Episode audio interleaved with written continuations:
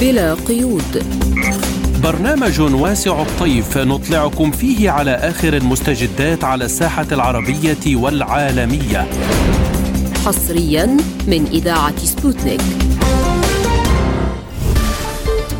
ومن استديوهاتنا في موسكو نرحب بكم في هذه الحلقة الجديدة من بلا قيود. أنا فرح قادري. وأنا نغم كباس والبداية بأبرز العناوين. كييف ترفض أي مفاوضات مع موسكو؟ مخرجات اللقاء الثنائي بين بوتين وأردوغان. إصابة أربعة أشخاص خلال اقتحام الجيش الإسرائيلي لمخيم جنين. العراق يلغي اتفاقية تنظيم الملاحة البحرية مع الكويت.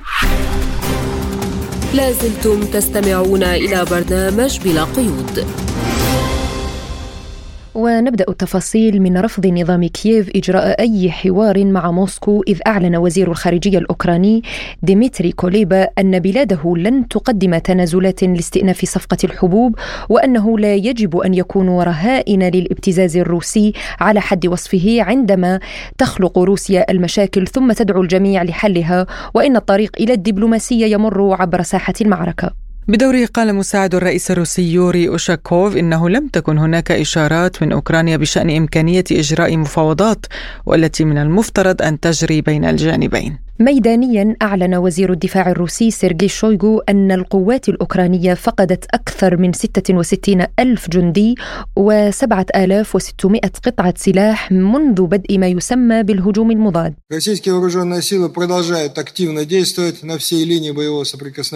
تواصل القوات المسلحة الروسية العمل بنشاط على طول خط التماس فيما يحاول نظام كييف على الرغم من الخسائر الفادحة شن ما يسمى يسمى بالهجوم المضاد للشهر الثالث مع العلم أن القوات المسلحة الأوكرانية لم تحقق أي تقدم على أي محور. تحاول القيادة الأوكرانية يائسة أن تثبت للداعمين الغربيين على الأقل بعض النجاح في العمليات الهجومية من أجل الحصول على المزيد من المساعدة العسكرية والاقتصادية الأمر الذي لا يؤدي إلا إلى إطالة أمد الصراع. لقد توتر الوضع كثيرا باتجاه زاباروجيا حيث أدخل العدو ألوية من الاحتياط الاستراتيجي إلى المعركة بعد تدريب أفرادها على يد مدربين غربيين. حررت قواتنا مستوطنة نوفوسيلوفسكي وتمكنت من تعزيز مواقعها على محوري كوبيانسك وكريمينسك بشكل كبير على طول الجبهة. تواصل القوات المسلحة الروسية تدمير البنية التحتية العسكرية لأوكرانيا بضربات دقيقة. وفي الشهر الماضي وحده تم قصف 34 مركز قيادة للقوات المسلحة الأوكرانية على مستوى القيادة والسيطرة العملياتية التكتيكية. ومنذ بداية ما يسمى بالهجوم تجاوزت خسائر العدو 66 ألف عسكري و7600 قطعة سلاح. وفي محاولة للتغطية على فشل الهجوم يهاجم المسلحون الأوكرانيون أهدافا مدنية ويقدمون هذه الهجمات على أنها انتصارات عسكرية. استمعنا إلى ما قاله وزير الدفاع الروسي سيرجي شويغو. ولمناقشة هذا الموضوع ينضم إلينا عبر الهاتف الباحث في العلاقات الدولية الدكتور محمد ربيع الديهي. أهلا بك دكتور في برنامج بلا قيود. أهلا بحضرتك وبالسادة المشاهدين الكرام يعني وزير الخارجية الأوكراني يقول بأنه المعركة هي من تحدد إن كان هناك مفاوضات بين نظام كييف وموسكو. يعني على ماذا يعولون؟ آه لماذا هم يعتبرون يعتبرون أن الميدان هو الفاصل علما بأن خسائرهم كبيرة جدا فيه. في الواقع أن هذا الأمر يعود إلى عدة أسباب منها المكاسب التي جنتها بعض قادة النظام في أوكرانيا خلال هذه العملية العسكرية أو خلال ما حدث من المعركة خاصة قضايا الفساد التي برزت منذ عدة أشهر وكان هناك لغط كبير حول قضايا الفساد في الجيش الأوكراني وقادة الجيش الأوكراني أيضا عملية أو استمرار المعركة يرى القادة في أوكرانيا أو بعض الأوكرانيين أنه لمصلحة أوكرانيا لأن هناك إمدادات غربية ما زالت مستمرة سواء كانت من الولايات المتحدة أو الاتحاد الأوروبي بأسلحة حديثة ومتطورة تمد بها أوكرانيا.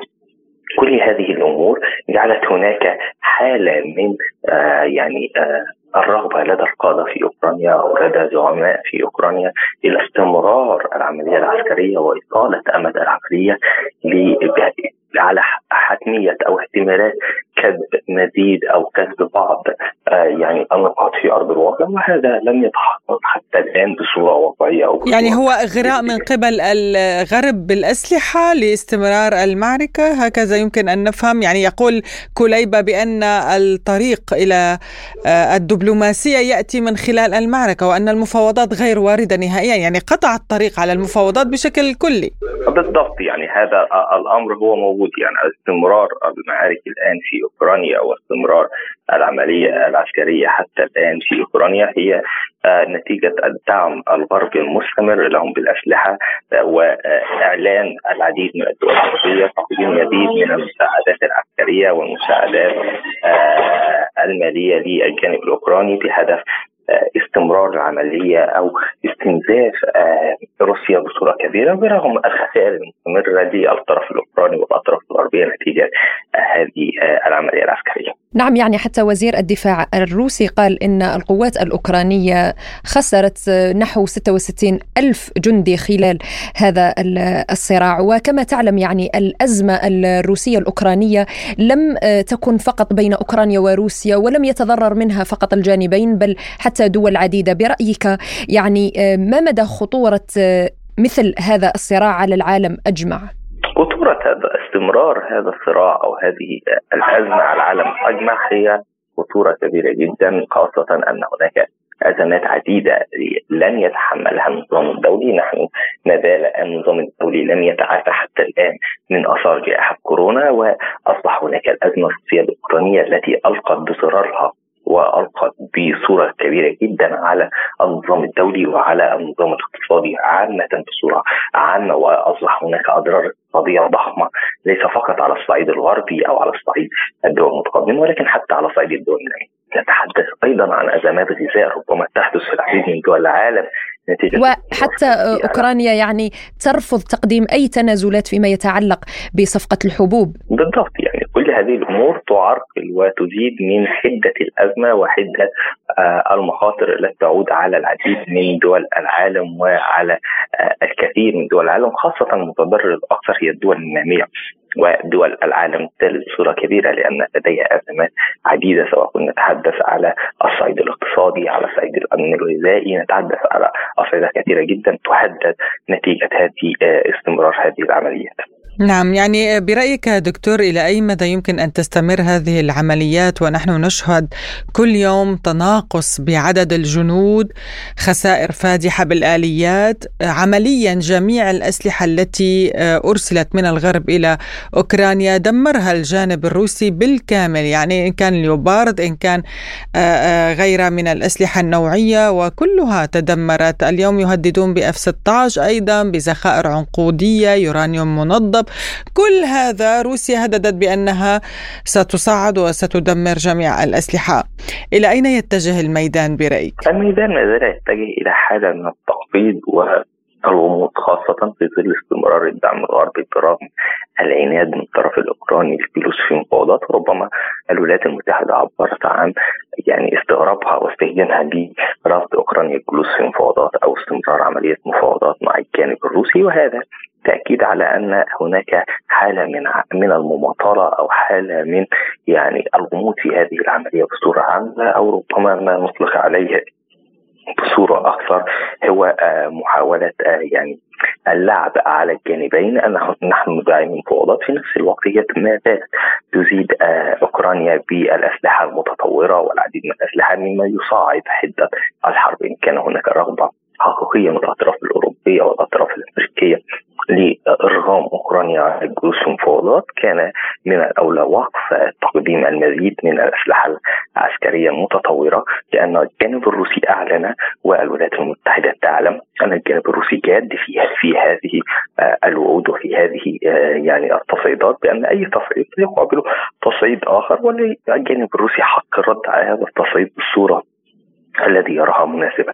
إذا كان من الأولى أن يكون هناك شق أو دعم رئيسي للمفاوضات والتفاوضات برعايات غربية وبصورة آه، مبدئية على أن يكون هذه المفاوضات جادة وأن يكون هناك رغبه حقيقيه من كافة الأطراف للوصول إلى نتائج إيجابية لدعم حل سياسي ودبلوماسي للأزمة الروسية الأوكرانية نظرا للتهديدات التي وقعت على العالم اجمع واشتداد الازمات في العديد من دول العالم. نعم يعني مع اقتراب الانتخابات الأمريكية هناك نوع من القلق والغضب ربما من الإدارة الأمريكية لعدم تحقيق نظام كييف وزيلينسكي نتائج الهجوم المضاد التي باءت بالفشل من يعني من الجانب الروسي، برأيك يعني هل يمكن الحديث اليوم عن وجود خلافات حقيقية وعميقة بين الإدارة الأمريكية ونظام زيلينسكي نظام كييف؟ باعتقادي أنه وان كان هناك خلافات إلا أن الإدارة الأمريكية ليس امامها سوى استمرار الدعم لأنها هي من اقحمت الجانب الأوكراني والروسي للدخول في هذه الحرب. هي من صعدت من وتيره آه الأزمة وشدت من وتيره الأزمة سواء بادعاءات كاذبة بأن روسيا ستهاجم في لحظه معينة ووضع أكثر من موعد للهجوم أو من خلال تصعيد في دعم أوكرانيا لاستمرار العناد أو حتى وجود أسلحة آه يعني أو آه مختبرات للولايات المتحدة في أوكرانيا ربما تهدد الأمن القومي الروسي على نعم يعني كييف ترفض إجراء أي يعني محاور محاورات أو حوار مع الجانب الروسي؟ كيف ترى الآن الإدارة الأمريكية في دعم نظام كييف وأيضا إرسال معدات عسكرية وأيضا تقديم مساعدات مادية بالرغم من أن كل ما تم تقديمه في الفترة السابقة السابقة لم يثمر عنه سوى الفشل وسوى يعني الفوز الروسي الذي ينكرونه ولا يريدون أن يعترفون به. هو التناقض في في السياسة الأمريكية وهذا التناقض واضح من لسه وليد اللحظة أو غيره هو تناقض واضح للغاية في إدارات السياسات الأمريكية عموما بصورة متعاقبة تصدر بيان معارض لكذا ويكون هناك دعم في هذا الملف في توجه آخر مضاد لبيان الإدانة أو الشك. هو مجرد محاولة أمريكية فقط بانها تدعم عملية آه السلام أو عملية التفاوضات في الوقت ذاته هي ما زالت تدعم الجانب الاوكراني بالأسلحة المتطورة. نعم نشكرك الباحث في العلاقات الدولية الدكتور محمد ربيع الديهي على هذه المداخلة شكرا لك. شكرا لحضرتك يا فندم. لازلتم تستمعون إلى برنامج بلا قيود. وإلى مخرجات اللقاء بين الرئيس الروسي ونظيره التركي إذ قال المتحدث باسم الرئاسة الروسية ديمتري بسكوف إن الغرض من المحادثات بين بوتين و أردوغان في سوتشي هو تنسيق المواقف حول مجموعة غنية جدا من العلاقات الثنائية وتبادل وجهات النظر حول المشكلات الإقليمية المعروفة ونقل مواقف الطرفين لبعضهما البعض. وقد تحقق هذا الهدف وجرت مفاوضات بناءة ومثمرة للغاية ولم يكن مرجحا التوصل إلى أي اتفاقات ملموسة. وتحدث بيسكوف عن اتفاقية الحبوب وقال هي عملية متعددة الأطراف ومن غير المرجح بعد إمكانية الاتفاق على شيء محدد. بدوره أكد أردوغان أهمية التعاون في مجال الغاز واستخدام العملات الوطنية في التعاون الثنائي مشيرا إلى أن أنقرة وموسكو تهدفان للتوصل إلى حجم تجارة متبادلة يصل إلى نحو 100 مليار دولار. وللخوض أكثر في هذا الموضوع نستضيف معنا مدير قسم شؤون الشرق الأوسط في الأكاديمية الرئاسية الروسية ومدير مركز خبراء رياليست الروسي الدكتور عمرو الديب. أهلا ومرحبا بك في برنامجنا بلا قيود. ونبدأ معك دكتور عمرو يعني من هذا اللقاء الذي جمع الرئيس بوتين وأردوغان. ما هي قراءتك لمخرجات هذا اللقاء خاصة وأنه جاء في توقيت مهم؟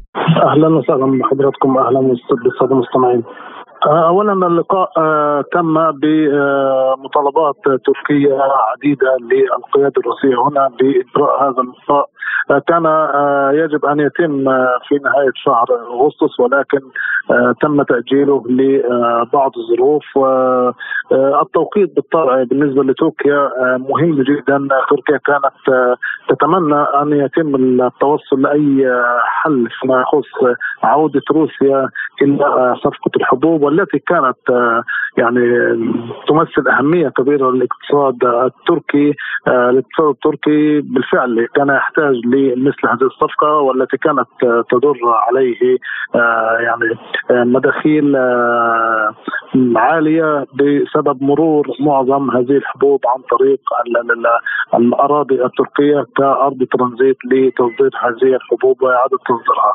آه ولكن كما رأينا أمس يبدو أنه لم يتم التوصل لأي اتفاق بهذا الشأن بسبب آه يعني آه نظرة روسيا في أن الغرب بالفعل استخدم هذه الصفقة لتحقيق آه مكاسب خاصة به بالإضافة إلى الاستخدامات العسكرية للمنطقة التي كانت تتم فيها صفقة الحبوب هذه آه، واستخدام هذه المناطق البحرية لإطلاق آه، زوارق بحرية بدون طيار آه، كانت تستهدف جسر القرم وتستهدف أهداف أخرى.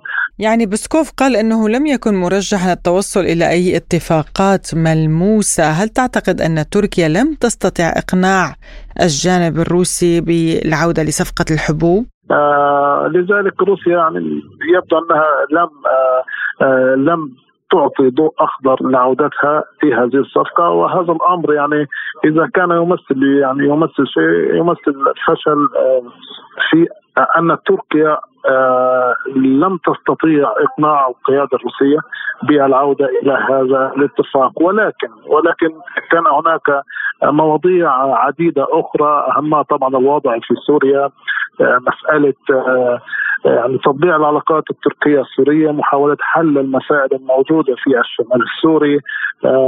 أيضا كان هناك حديث ومناقشة هامة جدا فيما يخص الوضع في القوقاز. آه، نعلم تماما أن الأوضاع في بين أذربيجان وبين أرمينيا ليست على غرام ويمكن أن تبدأ آه، عمليات عسكرية في أي توقيت. لذلك هذا الأمر أو مناقشة هذا الأمر كان مهم لروسيا أكثر من تركيا. آه روسيا تهتم بأن يكون الأمن آه في هذه المنطقة آه مستقر و آه الا تحدث أي عمليات عسكرية جديدة لأنه آه، ستمثل آه، نقطة ساخنة أخرى آه، بالقرب من الحدود الروسية. وهذه النقاط الساخنة عديدة في الوقت الحالي والهدف طبعا من الغرب هو يعني اشعال الحدود الجغرافية الروسية بأي عمليات عسكرية من أي نوع يعني لا لا يهم طبيعة هذه العمليات ولكن يهم الغرب مسألة أن يكون هناك اشتعال للموقف بالقرب من الحدود الجغرافية الروسية، لذلك أمس كانت هناك آه، يعني عملية نقاشية هامة بين آه، الزعيم الروسي والرئيس التركي فيما يخص هذا الأمر في القوقاز بين أذربيجان وبين آه، أرمينيا.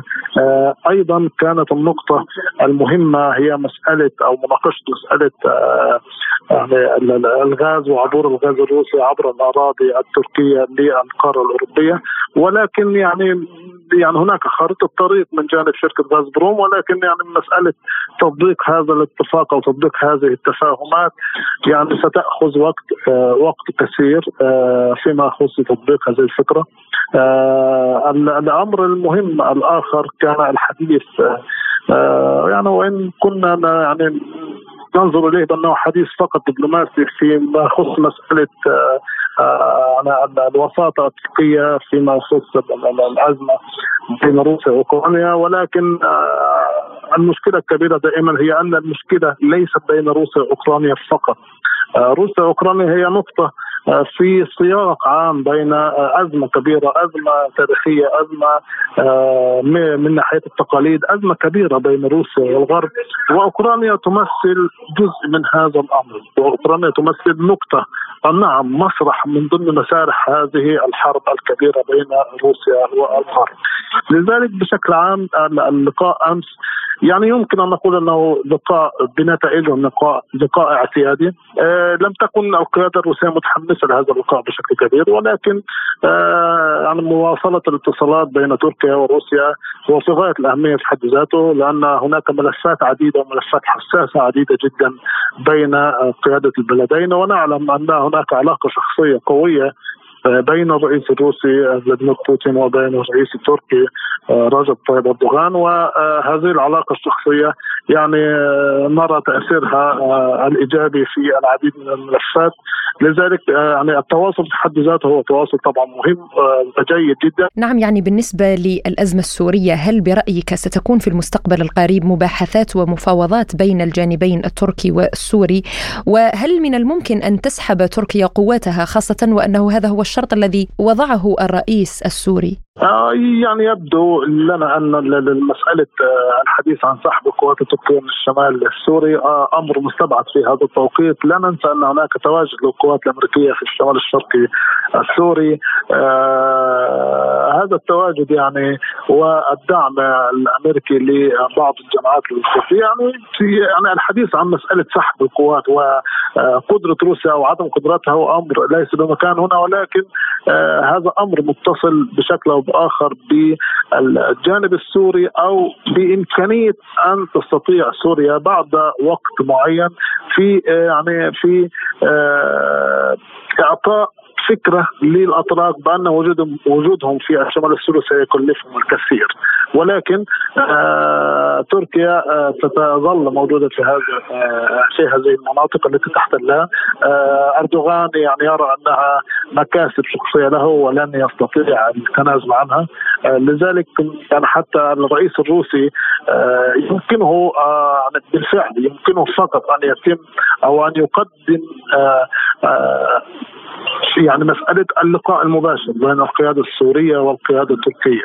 آه، أما بعد ذلك فسنكون أمام آه، جزئية مهمة ومهمة جدا. هي مسألة إخراج كل القوات الأجنبية التي لا تمتلك عقود مع الحكومة السورية لا تمتلك معاهدات مع الحكومة السورية من الأراضي من الأراضي السورية. هذا هذا طبعا نقصد قوات العديد من الدول التي بالفعل تتواجد داخل الأراضي السورية. وطبعا لا ننسى ابدا التواجد الإرهابي أيضا لبعض الجماعات الإرهابية خصوصا في الشمال. يعني أمور معقدة تماما. ولكن الوقت هو الوحيد الذي يمكن أن يحل هذه النقاط. آه، وطبعا الرغبة السورية بعد آه، وقت معين. آه، إيصال رسائل بأن استمرار تواجد هذه القوات سيكلف تركيا الكثير. وإذا فهمت تركيا هذه النقطة يعني هي بنفسها ستفكر بكل سهولة في الخروج دون وسط أحد. نعم يعني برأيك ما هي الرسائل التي أراد الجانبان إيصالها للمجتمع الدولي في ظل ما يحدث في أوكرانيا العداء الغربي الممنهج لروسيا؟ يعني الخلافات أو الصراع بمعنى أدق الصراع الروسي الغربي هو صراع عميق صراع تاريخي صراع من الناحية من ناحية التقاليد والأخلاق وكل ما هو متصل بهذه الأمور. تركيا كعضو في حلف الناتو وكدولة تمتلك علاقات قوية مع الجميع تحاول أن تكون هي الوسيط في هذه الأزمة أو هذا الصراع ولكن الصراع اكبر من أن تستطيع دولة مثل تركيا وحدها أن تقوم بمستوى وسيط ولكن ولا ننسى ابدا أن تركيا من الدول التي تمد أوكرانيا بأسلحة حديثة وبطائرات بدون طيار وما إلى ذلك، هذا أمر لا يجب علينا أن ننسى ابدا. آه فيعني القيادة التركية وتركيا كعضو في حلف الناتو لن آه تستطيع لعب هذا الدور لأن هذا الدور كان يجب أن يكون من جانب الأمم المتحدة ومن جانب الدول الكبرى الأخرى والدول الإقليمية الكبرى أيضا. يعني هنا دائما أنا أقصد بأن آه، هذه الازمه يجب أن يكون حلها في من خلال آه، دائرة من الدول آه، يمكنها بالفعل التأثير على الجانبين على الجانب الروسي وعلى الجانب الغربي. هي الصين الهند الامارات العربيه المتحدة المملكه العربية السعودية. طبعا هنا نتحدث لماذا؟ هاتين الدولتين لأنهم قوتان كبيرتان في سوق الطاقة. والهند طبعا والصين جنوب أفريقيا جمهورية مصر العربية الجزائر الدول المحورية في المناطق التي تتواجد فيها. وبالإضافة إلى دول آه، يعني لها دور آه، آه، دولي كبير وهي الهند طبعا والصين. هذه الدول إذا اجتمعت مع تركيا يمكنها بالفعل تقديم حل معين.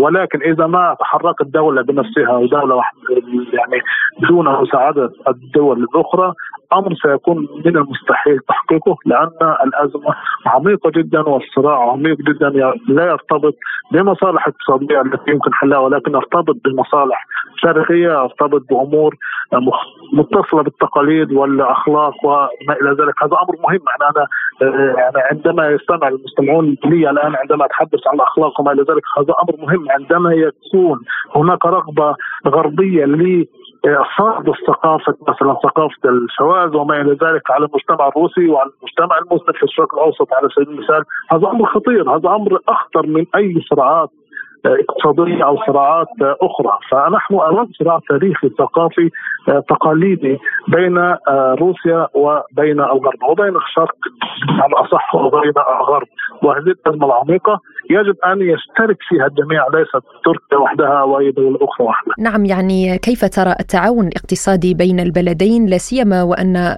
أردوغان أكد أن بلاده وروسيا تريدان تحقيق حجم تبادل تجاري يصل إلى 100 مليار دولار. آه، آه، طبعا تركيا دولة لها علاقات اقتصادية قوية جدا مع آه، مع روسيا خصوصا في آخر عام ونصف هناك زيادة في مسألة حركة التجارة حركة البضائع. تركيا تمثل أرض ترانزيت للبضائع الروسية من وإلى روسيا. آه، طبعا الموقع الجغرافي التركي يساعدها في هذا الأمر. آه، وأيضا الرغبة السياسية آه، تساعدها أيضا الرغبة السياسية التركية في زيادة مستويات التعاون. ويعني أنا لا أرى أي أي أي صعوبة في أن يتم تحقيق مثل هذا الرقم لأن تركيا آه، دولة يعني لديها صناعة كبيرة آه، نشاط زراعي كبير آه، تمثل أرض ترانزيت للبضائع من وإلى روسيا. لذلك مسألة زيادة مستويات التعاون الاقتصادي أمر مرجح جدا جدا ويمكن أن يعني يعلى عن عن هذا الرقم. وهذا أمر يمكن بالفعل تحقيقه لأن الرغبة الروسية التركية موجودة. آه، والموقع الجغرافي التركي والقدرة الاقتصادية الزراعية التركية وأيضا الصناعة التركية يعني يمكن بالفعل تحقيق هذا الرقم آه، بدون صعوبة مدير قسم شؤون الشرق الأوسط في الأكاديمية الرئاسية الروسية ومدير مركز خبراء رياليست الروسي الدكتور عمرو الديب شكرا لك على هذه المداخلة. لازلتم تستمعون إلى برنامج بلا قيود. وإلى الشرق الأوسط وما يحدث في جنين أصيب أربعة فلسطينيين بإصابات طفيفة برصاص الجيش الإسرائيلي الذي اقتحم مدينة ومخيم جنين في الضفة الغربية وسط تحليق مكثف لطائرات الاستطلاع. وحذرت الرئاسة الفلسطينية من وصول الأمور إلى طريق مسدود وخطير مشيرة إلى ما تقوم به إسرائيل من سياسات قتل واقتحامات للمدن والقرى والمخيمات الفلسطينية. من جانبها حملت وزارة الخارجية الفلسطينية الحكومة الإسرائيلية المسؤولية الكاملة والمباشرة عن العدوان الوحشي الذي شنه جيش الاحتلال على حد وصفها فجر اليوم الثلاثاء على مخيم نور شمس شرق طول كرم ولمناقشة هذا الموضوع ينضم إلينا عبر الهاتف الخبير بالشؤون الإسرائيلية الأستاذ غسان محمد. أهلا بك أستاذ غسان معنا في سبوتنيك ويعني نبدأ من هذه الاعتداءات المستمرة بحق الفلسطينيين. ما هدف إسرائيل هذه المرة من الاقتحام اقتحام مخيم جنين؟ نعم نعم حقيقة حسب تقديرات يعني الجهات الأمنية والاستخباراتية الإسرائيلية بأن مدينة جنين تحولت بالفعل إلى مركز لكل عمليات المقاومة الفلسطينية التي أرهقت وأربكت قوات الاحتلال في الأشهر أو الفترة الأخيرة.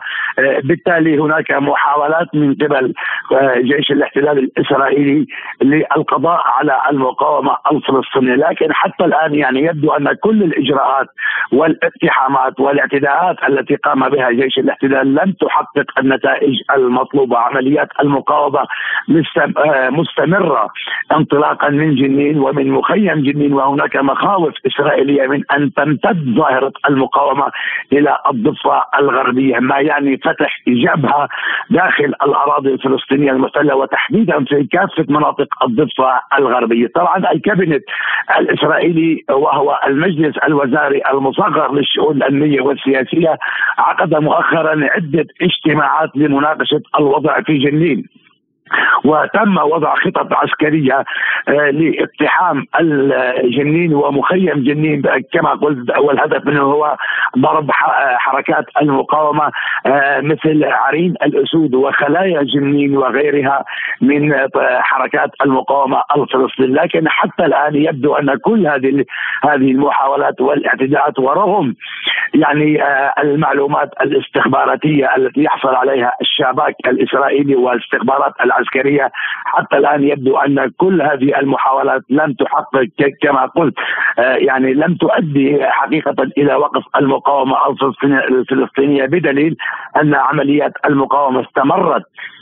خلال الفترة الأخيرة بالرغم من كل الاعتداءات وعمليات الاقتحام لمدينة جنين. يعني هل يمكننا القول أننا سنشهد في الأيام المقبلة تصاعدا في أعمال العنف في المنطقة برأيك؟ يعني أنا أعتقد أن أهالي جنين وأهالي الأراضي الفلسطينية بالكامل آه، على موعد على ما يبدو مع تصعيد إسرائيلي جديد آه، ضدهم هذا الأمر بات متوقعا وكتائب المقاومه تحسب ألف حساب لهذا الموضوع وهي آه، حسب المعلومات المتوفرة حتى الآن باتت جاهزة واتخذت كل الإجراءات الكفيلة بشأنها قادرة على مواجهة عمليات الاقتحام والاعتداءات الإسرائيلية.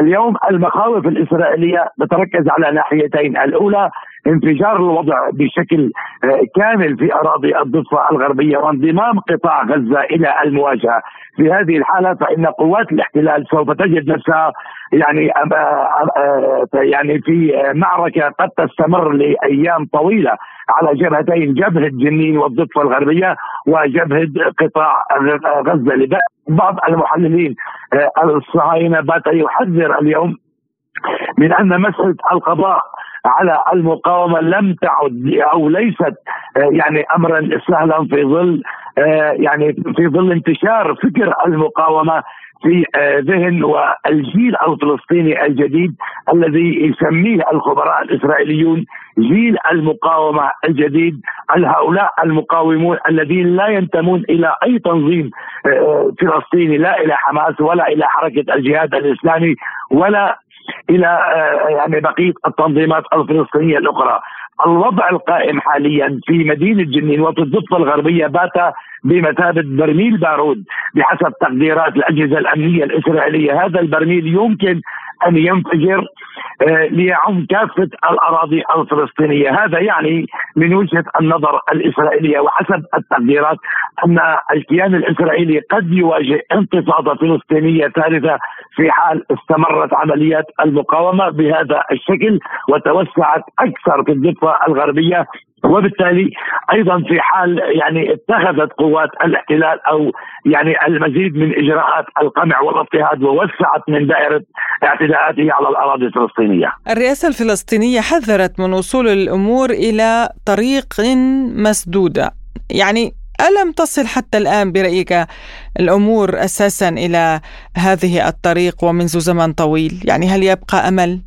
يعني بكل تأكيد السياسة الإسرائيلية في كل ما يتعلق آه، بالفلسطينيين لم تتغير. هناك يعني حرب إبادة تشن من قبل آه، الكيان الإسرائيلي على الشعب الفلسطيني حرب تدمير شاملة للبنية التحتية للبنية التحتية بشكل خاص وللهويه الفلسطينية آه، في الأراضي الفلسطينية المحتلة. يعني اسمحي لي هنا ان يعني أن أكشف عن معلومات يعني نشرتها بعض المواقع الاعلاميه الإسرائيلية مؤخرا تقول إن الكيان الإسرائيلي أن مسؤولين أمنيين إسرائيليين أبلغوا آه، مصر وبعض الجهات العربية الأخرى بأن هناك خطة آه، خطة اغتيالات واسعة قد سوف تطال.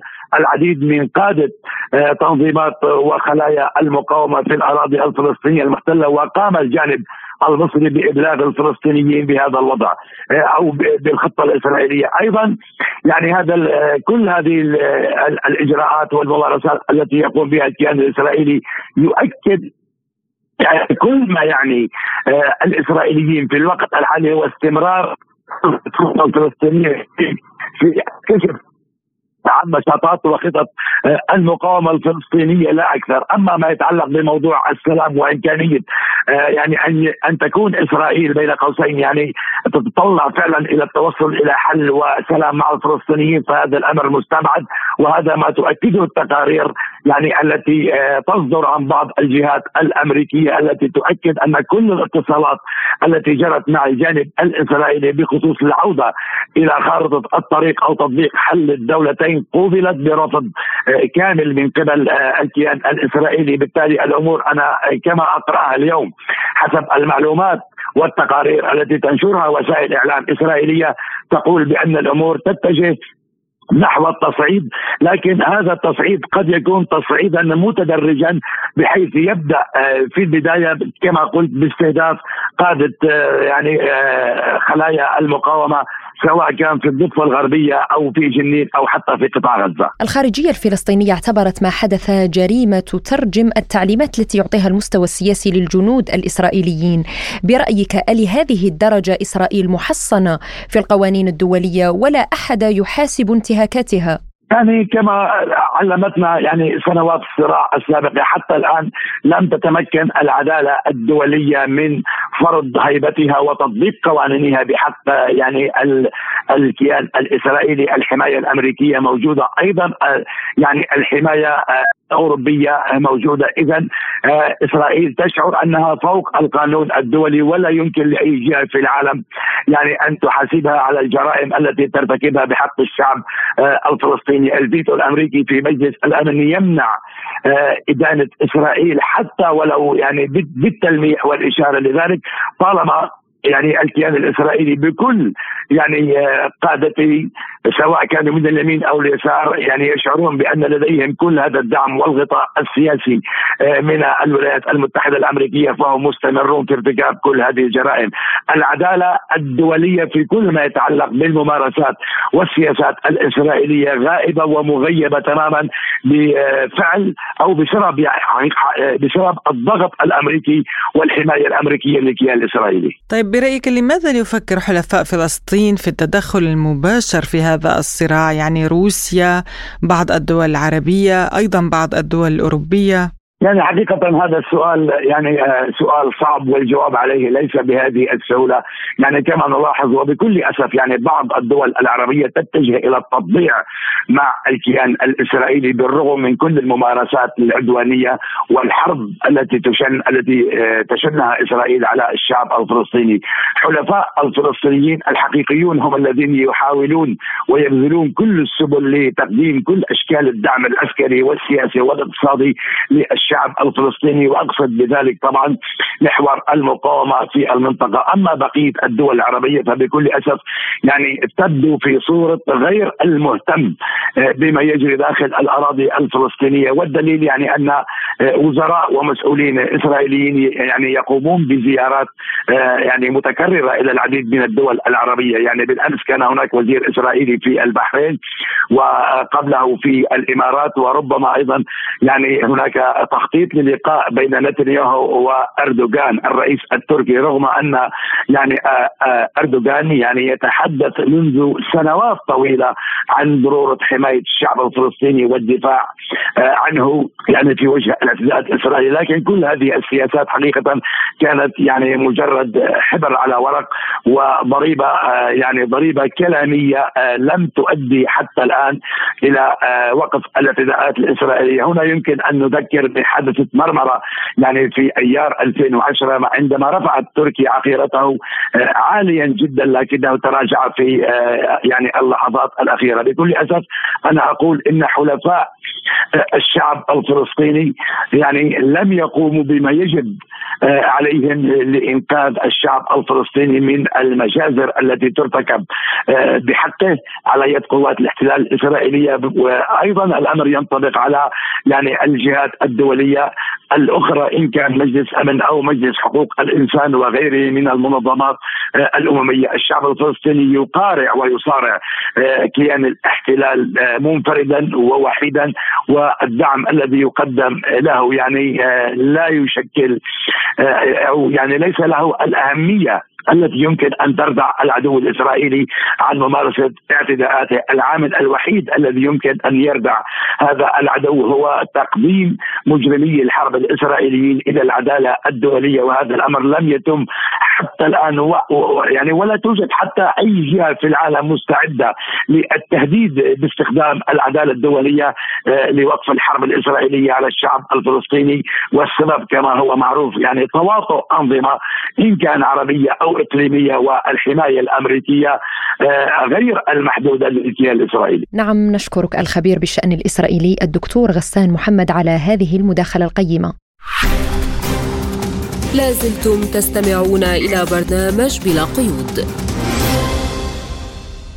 وإلى العراق حيث ألغت المحكمة الاتحادية العراقية تصديق اتفاقية الملاحة البحرية مع الكويت بإصدارها قرارا بعدم دستورية قانون تصديق الاتفاقية في خور عبد الله. وأوضحت المحكمة أنها أصدرت قرارها لمخالفة أحكام المادة 61 القسم الرابع من دستور جمهورية العراق التي نصت على تنظيم عملية المصادقة على المعاهدات والاتفاقيات الدولية بقانون يسن بأغلبية ثلثي أعضاء مجلس النواب. وللمزيد حول هذا الموضوع ينضم إلينا عبر الهاتف من الكويت آمر القوة البحرية الكويتية السابق الفريق بحري خالد الكندري. أهلا بك سيادة الجنرال ونبدأ من نتائج إلغاء هذه الاتفاقية على العراق والكويت والخليج بشكل عام. آه، طبعا آه، في البداية آه، نتكلم عن ما هي الاتفاقية هذه. وكيف تخدم البلدين في البداية. الاتفاقية هذه تنظم عمل الملاحة البحرية في منطقة خور عبد الله، منطقة خور عبد الله هذه منطقة مشتركة بحرية مثل مضيق صغير آه، تدخل فيه ثلاث موانئ بحرية تقريبا آه، رئيسية اللي هي ميناء مبارك الكويتي وميناء مصر العراقي وميناء آه، الفاو. هذه الموانئ طبعا يوجد لديها ممر واحد فقط للسفن فالاتفاقية هذه كانت لتنظيم الملاحة البحرية في هذا الممر لكي لا تكون هناك تدخلات ما بين الموانئ وتنظم عملية الملاحة. ولكن آه، أعتقد أنا إن الجانب العراقي كان يعني عدم وجود تعاون في الفترة الأخيرة من قبل الجانب العراقي. طبعا يمثل الجانب الكويتي في هذه الاتفاقية وزارة المواصلات الكويتية والجانب العراقي وزارة النقل العراقية. لكن في الفترة الأخيرة آه، وقفت الاجتماعات هذه كان في اجتماعات ما بين الطرفين في تنظيم العمل آه، والملاحة البحرية لكن وقفت الاجتماعات هذه بالفترة الأخيرة من قبل الجانب العراقي وللأسف آه، تم ملاحظة أن عدم وجود التعاون من الجانب العراقي في هذه الاتفاقية. وكان نتيجتها إلغاء هذه الاتفاقية آه، من قبل محكمة عراقية آه، بعد ما تم وضع الاتفاقية والاتفاق عليها والتوقيع عليها من قبل الطرفين. وأيضا تم آه، إرسال نسخ من هذه الاتفاقية إلى الأمم المتحدة لاعتمادها أو كوثيقة تحفظ هناك أما نتيجة إلغاء الاتفاقية هذه فهي الفوضى في هذه المنطقة بداية أزمة أو مشاكل راح تحصل بسبب عدم وجود آه، اتفاقية تنظم هذه الحركة في هذه المنطقة الحيوية بالنسبة للجانبين. هذه راح تكون نتيجتها أنا أعتقد يعني سيئه بالنسبة للعراق وللكويت أيضا. طيب يعني سيادة الجنرال ما الأسباب برأيك التي دفعت العراق لاتخاذ هذا القرار؟ يعني هل هي ضغوطات ربما؟ والله ممكن تكون هناك ضغوطات خارجية على العراق وممكن تكون هناك ضغوطات داخلية أيضا على العراق. من قبل مجلس النواب إنهم لكن أنا يعني أتكلم يعني أقول إن الاتفاقية هذه في بدايتها لما كان كنا نعمل فيها مع الجانب العراقي آه، كان الجانب العراقي متعاون لكن في الفترة الأخيرة للأسف بدأ هناك عدم تعاون من قبلهم. طبعا الأسباب الحقيقية لعدم التعاون غير معروفة آه، يمكن الاخوه في العراق هم ممكن يجاوبون على السؤال هذا. طبعا أكيد راح تاثر يعني المنطقة هذه حيويه جدا أنا اعتقد بالدرجه الاولى حتى بالنسبة حق العراق حيويه جدا. فاكيد اذا ما كان هناك تنظيم لحركه السفن هناك في هذه المنطقة فهي راح تؤثر بشكل كبير على العراق واعتقد أنا راح تكون هي بداية تأزيم وأزمة جديدة بين الكويت والعراق. يعني نتمنى أن الحكومة العراقية آه، تبتعد عن التأزيم في هذه المنطقة خاصة أن هذه منطقة حيوية جدا بالنسبة للعراق وتعتبر شريان رئيسي آه، للمنتجات التي توصل عن طريق البحر والنقل في العراق فأي تأثير على هذه المنطقة راح تأثر بشكل كبير على العراق. ونتمنى أن الأخوة في العراق يعني يضعون مصالحهم آه، نصب عيونهم آه، ويهتمون شوي في آه، الاتفاقيات هذه. أمير القوى البحرية الكويتيه السابق الفريق بحري خالد الكندري شكرا لك على هذه المداخلة. وللوقوف أكثر على هذا الموضوع ينضم إلينا من العراق الباحث في السياسات الاستراتيجية الأستاذ كاظم ياور أهلا بك أستاذ كاظم. يعني ضيفنا من الكويت سيادة الفريق خالد الكندري قال إن إلغاء الاتفاقية سيخلق أزمة بين البلدين. هل من مصلحة العراق برأيك تأزم العلاقات مع الخليج؟ نعم. أه، شكرا جزيلا على هذه الاستضافة. أحييكم وأحيي سادة متابعيكم أه، الكرام. بالنسبة لإلغاء اتفاقية أه، خور عبد الله بين العراق و الكويت. آه، طبعا هذه الاتفاقية حدثت في آه، حكومة سيد المالكي في 2013 ولكن اليوم عندما ألغت المحكمة الاتحادية ألغتها عن طريق الدعوة المقامة أمامها آه، من قبل بعض الأعضاء آه، النواب في مجلس النواب العراقي. آه، استنادا لأحكام الدستور خاصة 61 رابعا بأن الاتفاقيات لابد أن تشترط هذه المادة أن تكون اتفاقيات تمر عن طريق المجلس النواب العراقي وبأغلبية الثلثين. وهذا الشيء لم يحصل بقناعة المحكمة من قبل المجلس النواب العراقي ف وقرارات المحكمة الاتحادية في العراق بحسب الدستور مادة 93 باته يعني لا يمكن التراجع أو تمييزها أو طعن فيها. فاليوم الحكومة العراقية صراحة من جانب السياسي والتعامل الدولي في مأزق جدا كبير لأنها سوف تدعم لقرار المحكمة الاتحادية ولا تعمل بهذه الاتفاقية هذه من جانب ما يتعلق بالشأن العراقي. ولكن في نفس الوقت لدينا سوف أكيد تحدث إشكاليات في التعامل الدولي خاصة مع الجارة الشقيقة الكويت. الكل يعلم ما بعد 2003 كويت دولة كانت ساعدت وتعاونت مع العراق في الشان العراق الجديد. وهناك اتفاقيات أخرى مع الكويت ومصالح مشتركة متبادلة ما بين العراق والكويت. فالحالة السياسية العامة في البلاد العراق الجديد آه، لا يستدعي أن يكون هناك آه، خلافات عميقة آه، لا سمح الله بين العراق والكويت مما تؤدي إلى أن تكون هناك خلافات يعني ما بين حتى دول الخليجية الأخرى قريبة عن الكويت. متضامنة معها في مجلس التعاون الخليجي.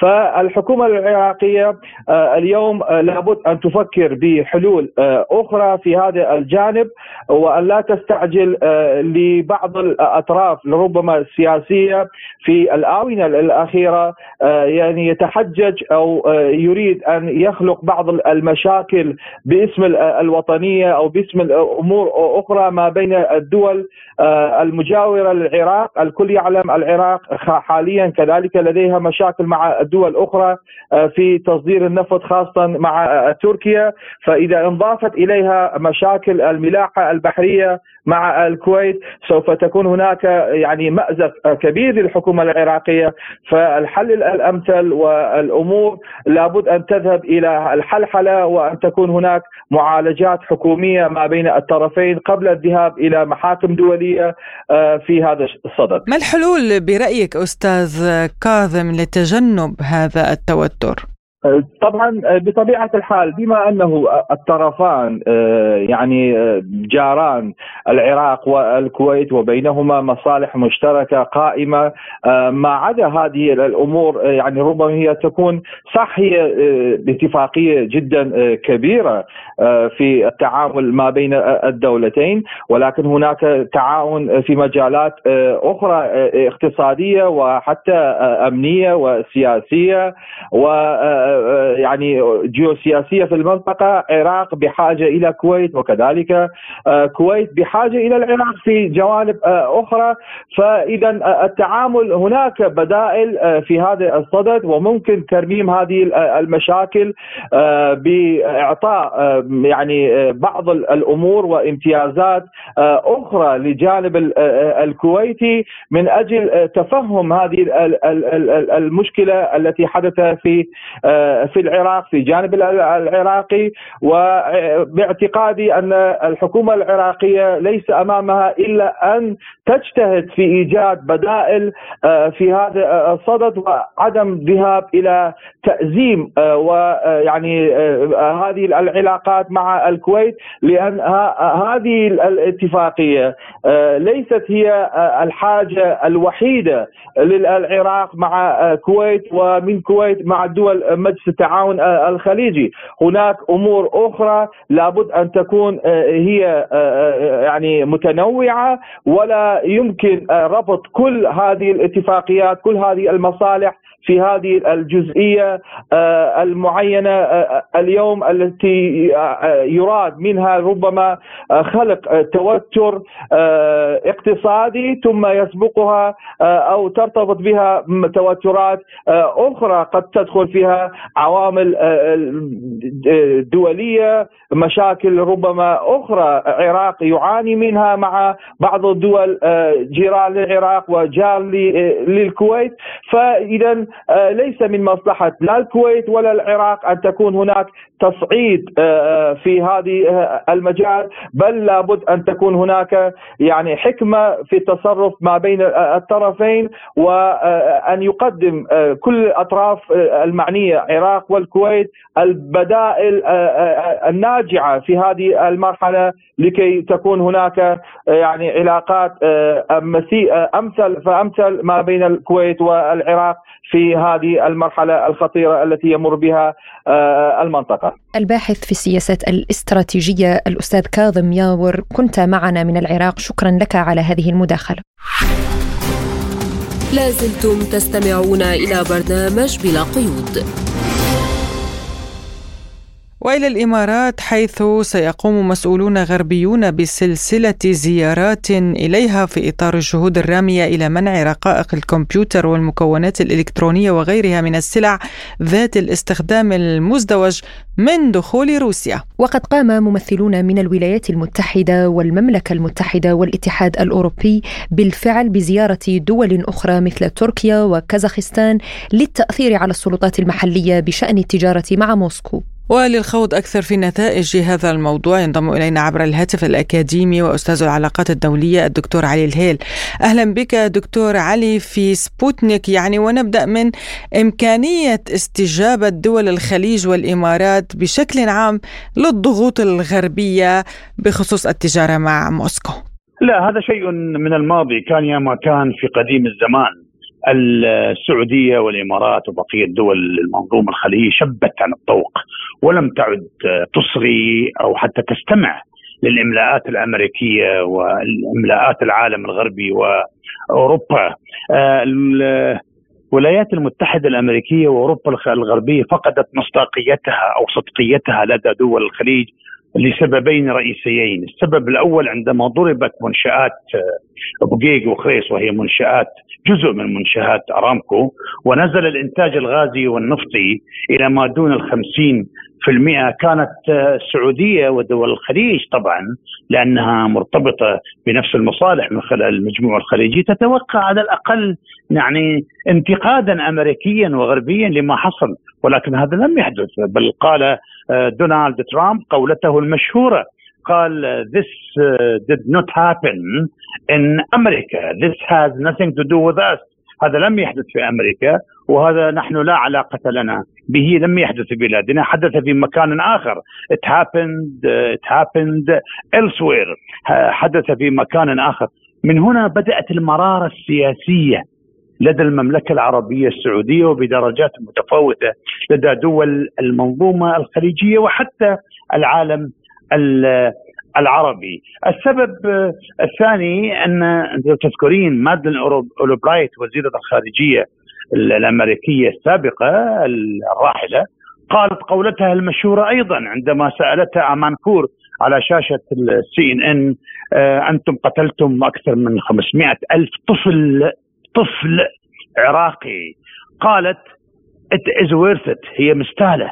هذه أيضا تركت مرارة بدرجات متفاوتة لدى الخليجيين ولدى بقية شعوب العالم العربي وحتى لدى الحكومات الخليجية والعربية. كيف لدولة تدعي أنها مؤهلة لقيادة البشرية ومؤهلة لقيادة العالم وسيدة حقوق الإنسان والتي تدعو إلى حقوق الإنسان وحقوق الطفل وحقوق المرأة.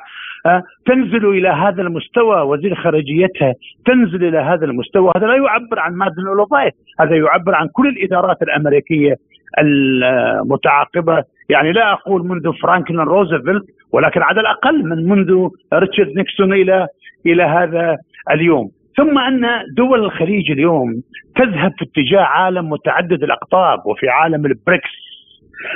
وفي عالم آه، دول آه، منطقة آه، أو منطقة دول شنغهاي وتريد أن توازن علاقاتها بين الشرق والغرب. قطر على سبيل المثال وقعت مع الصين لمدة 30 سنة تزويدها بالغاز المسال الطبيعي القطري LNG liquefied natural غاز. وهذا طبعا امتعضت منه الولايات المتحدة وامتعضت منه وامتعضت منه أوروبا. وأيضا الدعوة إلى أننا نحن لسنا في حاجة آه الآن وكما كنا إلى عالم متغول عالم القطب الواحد المتغول في العالم والذي يفعل له ما بدا له منذ انهيار الاتحاد السوفيتي السابق عام 1992 أو 91 لكل هذه الأسباب لا لن تصغي ولم تصغي الإمارات للإملاءات الأمريكية عن الرقائق الكمبيوتر. وارسالها إلى روسيا نحن أحرار نصدر غازنا ونفطنا إلى من نريد ونحن أحرار نتبادل آه، التجاره مع من نريد وليس من حق أمريكا وهذا أمر سيادي وليس من حق الولايات المتحدة وأوروبا، هذه النغمة لم تكن تسمعينها في الماضي. يعني قبل الحرب الأوكرانية لم تعودي يعني تسمعي هذا هذا الكلام. طيب يعني دكتور ماذا عن تركيا والصين؟ اليوم تركيا دولة أصبحت قوية يعني اصبحت طائرات البيرق البيرق دار تباع ليس فقط لأوكرانيا لبريطانيا ولأوروبا والكويت وقعت قبل كم يوم صفقة لشراء طائرات بيرق دار حامل البيرق ب 300 بأكثر من 370 مليون آه، دولار فوجود دولة يعني خلفيتها الخلافة العثمانية والإمبراطورية العثمانية وخلفيتها إسلامية وقوية في تركيا الآن. اختلف الوضع صارت علاقات الآن إيرانية آه، سعودية علاقات تركية إماراتية قوية. يعني لم تعد يعني وجود صعود تركيا كقوة إقليمية وشرق أوسطية قوية شجع دول الخليج على أن لا تصغي للإملاءات الأمريكية والاملاءات الاوروبيه ونحن لم نعد عبيدا لامريكا ولم نعد عبيدا لاوروبا. الصين آه، تبيع الرقائق الإلكترونية علنا وجهارا ونهارا لروسيا والمصالح الصينية آه، الروسية آه، أكثر من متقاربة واستراتيجية بالمناسبة ووصلت إلى درجة التوحد. ربما بعض المسؤولين الصينيين للاستهلاك السياسي يقولون شيئا في العلن. لأرضاء أمريكا أو لإحداث نوع من التوازن في المجال التجاري. ولكن لا الصين تبيع لروسيا ودول الخليج أيضا تبيع لروسيا ما تحتاجه. لا روسيا ليست معزولة على على العكس. العالم كله يعني دول إفريقيا دول العالم العربي دول الشرق الأوسط التي تأذت من أوروبا ومن العالم الغربي الآن هي في اتجاه روسيا والصين في اتجاه دول البريكس. الآن شيء جديد قاعد يعني يتشكل ويتكون بقوة. نعم. الأكاديمي وأستاذ العلاقات الدولية الدكتور علي الهيل شكرا لك على هذه المداخلة. لازلتم تستمعون إلى برنامج بلا قيود. ختام حلقة اليوم من بلا قيود. إلى اللقاء. في أمان الله.